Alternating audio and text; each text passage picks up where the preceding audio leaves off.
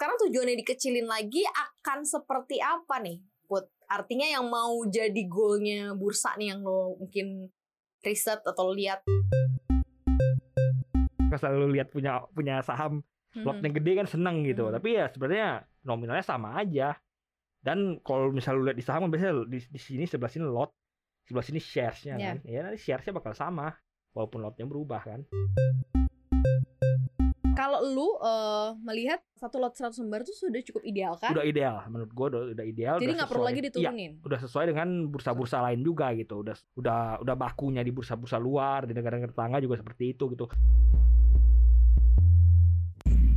Paham Pantauan Saham Makin paham makin cuan.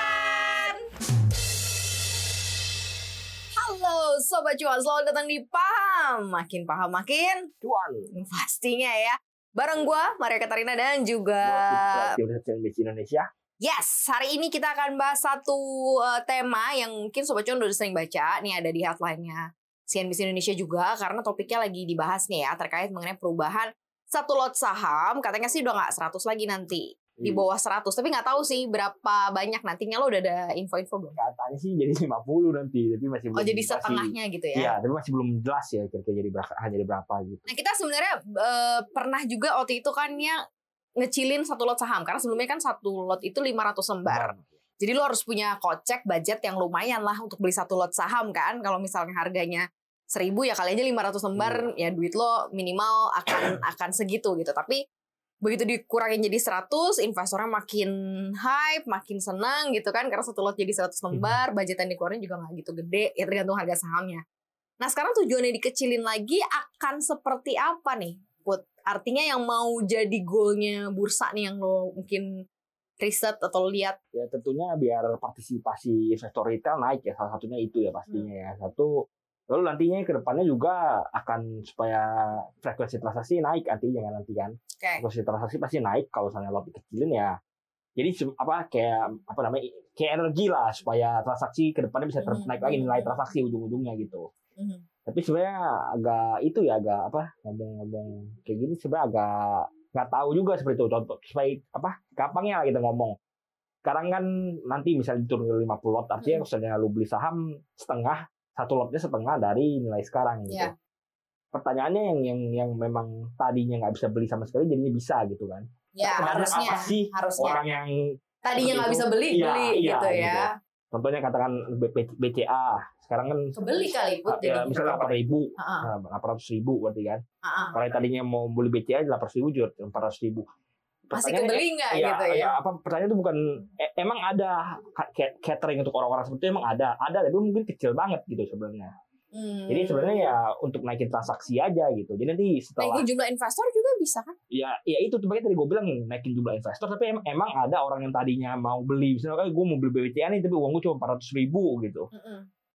sedikit orang-orang seperti itu gitu maksud gue Oh, berarti lo maksudnya menilai bahwa sebenarnya uh, memotong satuan lot is not the apa is not a solution juga ya kalau misalnya Iya, untuk iya, naikin iya. naikin apa namanya minat beli Iya, orang iya, ya. iya, mungkin gitu. kalau ada cara lain mungkin yang bisa kita ambil mungkin uh, dari luar gitu. Kalau dari luar kayak gimana? Gue gue bahas yang luar gue coba bahas di dalam dulu ya. Hmm. Itu tuh ya ini yang gue bilang misalnya terjadi kayak gitu nanti kesannya lu ketika memang udah dibenerin diturunin ya psikologis market berubah lu bayangin.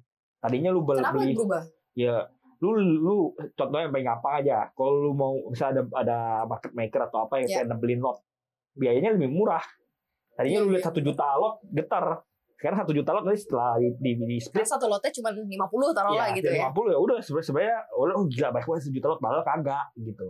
Karena masih terbiasa dengan lot lama gitu. Hmm. Jadi ya pasti ada ada ada shifting perubahan psikologi Eh, gue market. tapi gue nggak menduga bahwa side effectnya akan kayak gitu loh. Maksudnya kalau gue kan awam banget ya, gue ngeliat kayak oh nanti jadi uh, satuan jumlah lot sahamnya akan jadi lebih banyak nih gitu kan. Tadinya uh, mungkin yang udah pegang nih uh, 10 lot gitu jadi 20 lot kan mau nggak mau kan kalau karena yang tadinya 100 lembar jadi 50 lembar kan masing-masing jadi kayak satuan lot lo kan jadi tambah banyak aja. Jadi, jadi sebenarnya kalau mau lu mau lihat mau mau efeknya ya Hmm. tanda ke ya apa kecilnya itu ya kalau yang terjadi ketika saham stock split saham Ya, stock ya. split satu banding dua ya katakan ini kurang lebih stock split satu banding dua kan ya pasti frekuensi naik. Transaksi apa partisipasi investor retail naik. Tapi ya nggak banyak juga gitu nggak nggak apa namanya banding misalnya di splitnya sampai 10 itu Hmm. kayak contohnya BCA lah. Retailnya pasti naik di BCA kenapa Iya. karena splitnya gede. Gitu tadinya harganya mahal sekarang udah udah affordable. Hmm. sedangkan kalau selalu split cuma dua satu apa setengah kayak gini 150 ya partisipasi retail ya gitu-gitu aja gitu ya gitu-gitu aja artinya ya karena lo tadi masih nggak masih menyaksikan ya ada nggak sih yang tadinya Iya, mau beli iya, langsung? ada section yang tadinya mau beli tapi kurang uang gara-gara terlalu sedikit ya ada tapi sedikit pasti gitu. Tapi kan kalau misalnya otoritas ini berpikir atau uh, ingin melakukan perubahan jumlah lot ini kan pasti di pasti pemikirannya pasti, matang kan. Kalau kita throwback dahulu ketika satu lot itu 500 lembar terus diubah jadi 100 lembar per satu lot itu kan lumayan besar juga antusiasmenya nah, waktu itu. itu. Perbedaannya 500 dulu gede gitu 500 dulu gede kok bayangin kalau 500 lo mau beli dulu BCA masih bisa katakan 10 ribu Iya. 20 ribu di tahun itu ya modalnya gede 10 juta gitu lo ngomongnya Hmm. Nah, kosalnya lu sekarang kan memang udah affordable gitu. Jadi ketika lu split lagi sebenarnya naikin frekuensi, frekuensi naik, lalu nanti nanti ujung-ujungnya ya running trade makin penuh, nanti bisa jadi lagging. Hmm. Nah, misalnya sobat cuan ini trading trading pakai OLT. Yang retail misalnya Mirai atau apa itu biasa pagi-pagi nge-lag kan? Apalagi misalnya frekuensi naik gitu ya. Karena lagi rame ini Iya, jadi biasa-biasa sekarang kan, aja iya. susah Sekarang kan. aja nge-lag pagi-pagi gitu, apalagi lu naikin frekuensinya gitu. Mau ngebit harga itu Iya, karena iya, nge-lag jadi nggak dapet ya. Iya iya terus ya nanti pasti psikologi juga berubah kalau memang terjadi pemotongan oh lu lihat oh gila tebel oh padahal nggak tebel gitu Hmm. terus kalau misalnya ada orang mau nembel-nembelin saham juga lebih murah gitu ya pasti psikologinya bakal berubah tadinya lu beli oh seribu dapat banyak ya gitu nanti Hmm. dia ujung-ujungnya mikir kayak gitu gitu Kalau kita tadi ngeliat dari mindsetnya uh, retail, retail yang ada di Indonesia, kalau kita lihat dari mindsetnya asing, kira-kira akan kayak gimana sih ngelihat market dengan Asing. jumlah lot yang per lembarnya jauh lebih kecil dari Asing sih sebenarnya kayak mungkin nggak nggak gitu peduli ya gitu. Mereka kan biasanya Bodo amat ya. ya value transaksi gitu. Paling mereka juga senang karena likuiditasnya naik. Mhm. Itu mereka sebagai senang. Kalau misalnya makin liquid, biasanya asing makin senang gitu. Makanya ada namanya liquidity diskon. Kalau sahamnya nggak liquid, mereka diskon gitu. Mhm. Padahal sahamnya apa, misalnya perusahaan oke, tapi kan mereka sahamnya nggak liquid, mereka diskon nilai sahamnya gitu. Ya kalau makin liquid, biasanya asing makin senang gitu. Nah tapi kalau misalnya retail ya gue udah bilang. Terus, nah ini menariknya lagi kalau misalnya, kalau misalnya lu, misalnya lu market maker ya, Mhm. kalau lu mau, mau order saham, Iya. itu tuh bisa dipecah. Kalau retail tuh maksimal kan beli 50 ribu lot, 20, iya. 50 ribu sekali pencet kan. Hmm. Kalau mau order lu harus pencet lagi gitu. Mhm. Kadang-kadang malah dihalang apa di di, di kalau lu harus Nggak centangnya iya kadang-kadang Iya. jadi terus lu udah order Udah sama over, gitu oh ya. iya, sama, nggak Nah, boleh. Harus lu ilangin centangnya Iya, dulu baru iya. bisa order gitu. Jadi agak, agak lama. Nah, aku kasih tahu misalnya di misalnya market maker ya biasanya atau lu trading lewat itu apa offline trading gitu, Hmm. remote trading namanya. Itu tuh bisa dipecah. Bisa 20 kali pecah. Biasanya atau 25 kali pecah. Berarti kalau lotnya kecil nggak usah dipecah-pecah lagi. Iya, iya, misalnya lot kecil dipecah tuh mereka kan biasanya beli banyak kan, Hmm. misalnya market maker atau misalnya pemain gede. Mesti jadi mereka maksimal bisa beli 50 ribu kali 25. Oke. Itu maksimal bisa beli dua dua setengah juta lot ya berarti ya. Hmm. Nah, mereka bisa beli sebanyak itu gitu. Bisa beli banyak gitu. lima puluh ribu li Itu Dulu dulu masih lima puluh ribu kali dua puluh lima satu satu dua lima satu dua lima puluh. bukan dua setengah tapi satu dua lima puluh satu satu koma dua juta lot lah. Hmm. itu kan banyak banget gitu. Jadi ya kalau misalnya lu retail lu tuh bisa beli lima apa tadi- tadinya tadi, misalnya contohnya tadinya lu bisa beli lima puluh ribu lot kan. Mm. tapi gara-gara ini di gara-gara ini di split setengah lu nggak bisa beli lima puluh ribu lu harus pencet dua kali. Itu lu makin mabok. Benar nggak? Oh, Padahal nyusahin market iya maker nih. nggak maksudnya. nyusahin retail dong Oh, sentri. Oh, iya. kalau market maker. maker enak bisa di Iya, iya, 20 iya, iya, gitu iya, iya, iya. Retailnya susah ya. Iya, kat- katakan saham-saham murah. Iya, iya. Ya, ini iya, ini iya. retail kelas menengah lah ya. Oke, oke, oke. Bukan oke. retail retail kecil, retail kelas menengah. Misalnya dia udah bisa beli misalnya lima puluh ribu, Hmm. harga sahamnya seratus, itu kan berapa? Lima ratus juta ya, berarti lima puluh ribu. Berapa banyak sih sebenarnya eh, retail atau mungkin saham-saham yang secara kantong retail nih nggak nggak nggak sampai gitu makanya harus dilakukan eh, stock split ini. Eh, saham paling mahal secara nominal super ya, harganya enam puluh ribu. Hmm. Enam puluh ribu berarti enam juta selembar Iya. kan. 6 juta selembar di split juga satu juta tiga juta selembar masih mahal gitu. Ini sebenarnya jarang banget ada saham-saham kayak gini. Setahu gue itu saham-saham dengan dengan harga ada sepuluh ribu. Mhm. Sekarang itu tuh belasan doang, Oh, oke. cuma belasan, mungkin 10 ke bawah kali. Dan dan sebagian besar tuh sepuluh ribu. Mhm. Yang yang di atas sepuluh ribu paling super, GGRM, DCII, gitu. itu juga UNTR juga ada sepuluh ribu. Itu juga tiga di antaranya kan saham-saham yang nggak liquid yang memang retail kagak mau beli Hmm. gitu. Oke, berarti eh, dengan kata lain sebenarnya ini tidak terlalu menggiurkan juga ya buat retail ya. nggak terlalu urgent nggak terlalu menggiurkan gitu malah Hmm. lu trader-trader nanti akan jadi bingung gitu Hmm, kenapa bingung? Ya tadi gue bilang tadinya mau beli gede eh beli lima puluh ribu gitu ada ada waktu-waktu penyesuaiannya gitu Mungkin kita harus belajar eh, mekanisme yang lain kali ya. Mungkin yang ditawarin sama bursa-bursa luar gitu atau apa gitu sehingga eh, goalnya dari mungkin kalau goalnya untuk ningkatin transaksi atau penambahan jumlah investor mungkin bisa lebih terlaksana gitu pun. ya kalau dari negara-negara tangga dulu ya dari Hmm. Jepang Malaysia itu satu lot sebenarnya 100 sama 100 Sama, lembar hmm. ya dari Jepang juga apa Singapura Malaysia itu semua 100 lot Jepang Singapura Malaysia. Nah di US sendiri itu satu lot juga 100 lembar. Gitu. Hmm. tapi dia ada ada klausul-klausul tertentu. Misalnya harga terlalu tinggi tuh 100 lot tuh bisa di atas bisa di bawah satu lembar. Hmm. contohnya kayak misalnya di di Kanada itu diterapkan bot lot namanya. Oke. jadi per fraksi harga. Hmm, hmm. misalnya fraksi harganya kalau gua nggak salah tuh di atas satu dolar itu 100 0,99 sampai 0,1 itu 500 di bawah 0,1 itu tuh 1000 lembar gitu. Jadi ada fraksinya sesuai dengan harganya gitu. Tapi menariknya kalau lu ngomong di bursa luar negeri yang udah advance yang udah maju Eropa Amerika itu mereka tuh bisa beli sistemnya bisa beli per per bisa bisa beli per lembar malah bukan per lot lagi.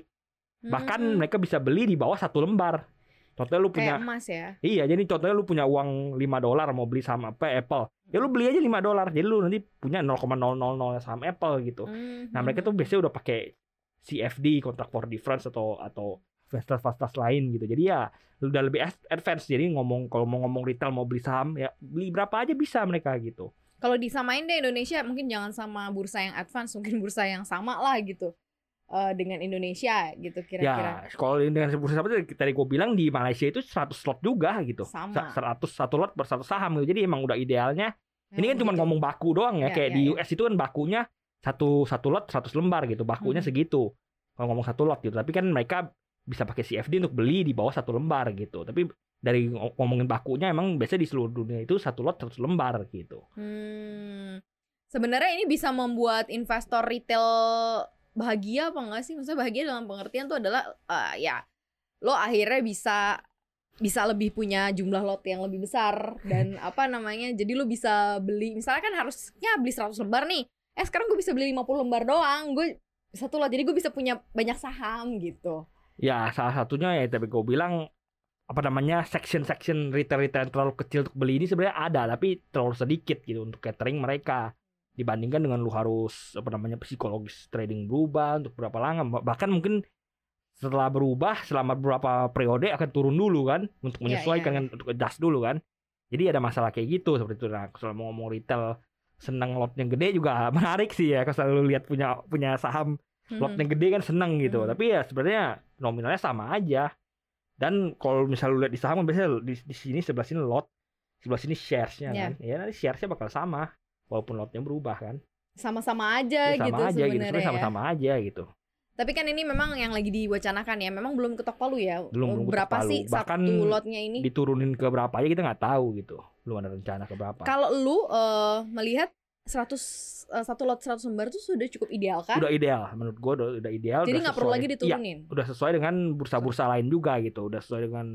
udah udah bakunya di bursa-bursa luar di negara-negara tetangga juga seperti itu gitu paling kan kalau lu mau meningkatkan pasti apa namanya meningkatkan retail ya lu Partisipasi bikin retail. partisipasi retail ya lu bikin apa fasilitas kayak CFD dan lain-lain. Lu ngembang, lu ngembangin yang di luar marketnya gitu. Misalnya di, US apa segala kan emang udah canggih banget. Put option sell option lu mau ngomong apa lu apa namanya index funds mereka juga udah advance. Lalu apa namanya reksadana yang bisa ditradingkan itu juga udah advance. Sekarang bursa kan baru mau mulai kan? ETF maksudnya. ya ETF Hmm. kan ETF nya baru mulai diliquidin gitu Mhm. supaya partisipasi retail di ETF naik gitu baru baru mau mulai di luar negeri udah advance banget ETF-nya gitu Eh, Mungkin karena memang pasarnya baru berkembang, jadi makanya berbagai macam eh, uji coba ini mungkin Iya. dilakukan kali ya, ya sama makanya bursa ya. arahnya lebih menarik sebenarnya ke situ gitu nanti lu bikin CFD jadi misalnya kita mau beli 0,1 lembar juga bisa gitu tapi ya sekarang kan memang harganya masih murah-murah gitu Hmm, hmm, satu hmm. lembar saham lima ribu Iya. ya dua ribu dua ratus lima puluh ya Hmm. bikin gitu juga guna sebenarnya masih gitu tapi ke depannya ketika udah mulai advance ya arahnya mungkin ke situ Kalau sekarang ini lo bisa uh, lo boleh memberikan saran nih kepada otoritas gitu ya uh, uh, untuk semakin lebih rame bursanya, kemudian juga tingkat partisipasinya juga lebih tinggi. Apa yang harus mulai di mungkin di uh, perbaiki? Ya sebenarnya kalau mau mau naikin partisipasi retail sebenarnya gampang nggak apa gampang-gampang susah gitu ya. Mhm. Satu ya makin terbuka lah, makin open lah gitu. Misalnya ada yang pom-pom saham atau apa ya lu tunjukin keberpihakan lu Hmm, gitu hmm. lu jangan oh gara-gara dia pom-pom saham atau dia punya transaksi gede ya biarin aja deh gitu ya lu ke- ke- keberpihakan lah gitu Ne- ne- netral jangan belain salah satu gitu Oke. jangan belain yang gede jangan belain yang kecil gitu jadi net- netral lah gitu Jangan bilang gede, jangan iya kecil iya kan gitu ya. kan kalau regulator kan jadi polisi sebenarnya polisi nggak boleh harus netral gitu nggak boleh kita bantai salah satu gitu belain salah satu gitu Oke, berarti ya mau seperti apa pun end up-nya ujung dari satu lot ini mau berapa gitu ya, tetapi dari versinya Triputra, versinya paham juga sih bahwa satu lot sama dengan 100 lembar cukup sudah cukup eh, ideal. Plus juga sebenarnya transaksi kita juga perlu banget didongkrak nggak sih sebenarnya? transaksi tuh memang harus terus naik supaya liquid supaya saham liquid gitu Oke. jadi ya kalau mau transaksi perlu dongkrak terus ya harus dong- dongkrak terus harus, Harus naik didongkrak terus, iya Tapi nggak semata-mata untuk mecah lot itu. Iya sebenarnya iya ya. nggak semata-mata lu pecah-pecahin terus biar transaksi naik gitu nggak kayak gitu juga Masih banyak cara iya sebenarnya banyak ya. cara lain Untuk bisa eh, mencapai goal itu ya karena kan kalau transaksi naik eh, pasti menarik lah buat iya asing iya juga asing menarik oh marketnya marketnya isti- liquid gitu. liquid marketnya yang beli banyak gitu loh dalam tanda kutip gitu kan Hmm. maksudnya yang yang datang tuh banyak jadi pasti laku lah jualan di situ kurang lebih sih kayak gitu sobat Hmm. cuan yang jelas ini untuk pemahaman juga ya sobat cuan ya tentang plan dan rencana otoritas juga dengan berbagai macam kebijakan pastinya untuk yang terbaik juga nih untuk bursa efek Indonesia. Segitu aja. Iya. ya put ya. Segitu aja obrolan paham hari ini. Terima kasih udah dengerin kita berdua. Jangan lupa untuk follow uh, selalu uh, Instagram kita, tapi sebelumnya dengerin kita juga ya di podcast cuap-cuap cuan di Apple, kemudian di Apple uh, Google Podcast, kemudian di Anchor dan juga Spotify. Jangan lupa follow akun Instagram kita juga di @cuap underscore cuan dan subscribe YouTube channel kita juga di cuap-cuap cuan ya. Like share dan komen sebanyak banyaknya dan kita juga tayang jangan lupa di CNBC Indonesia TV thank you banget sobat cuan. Sampai jumpa. Sehat terus. Maria pamit. Bye bye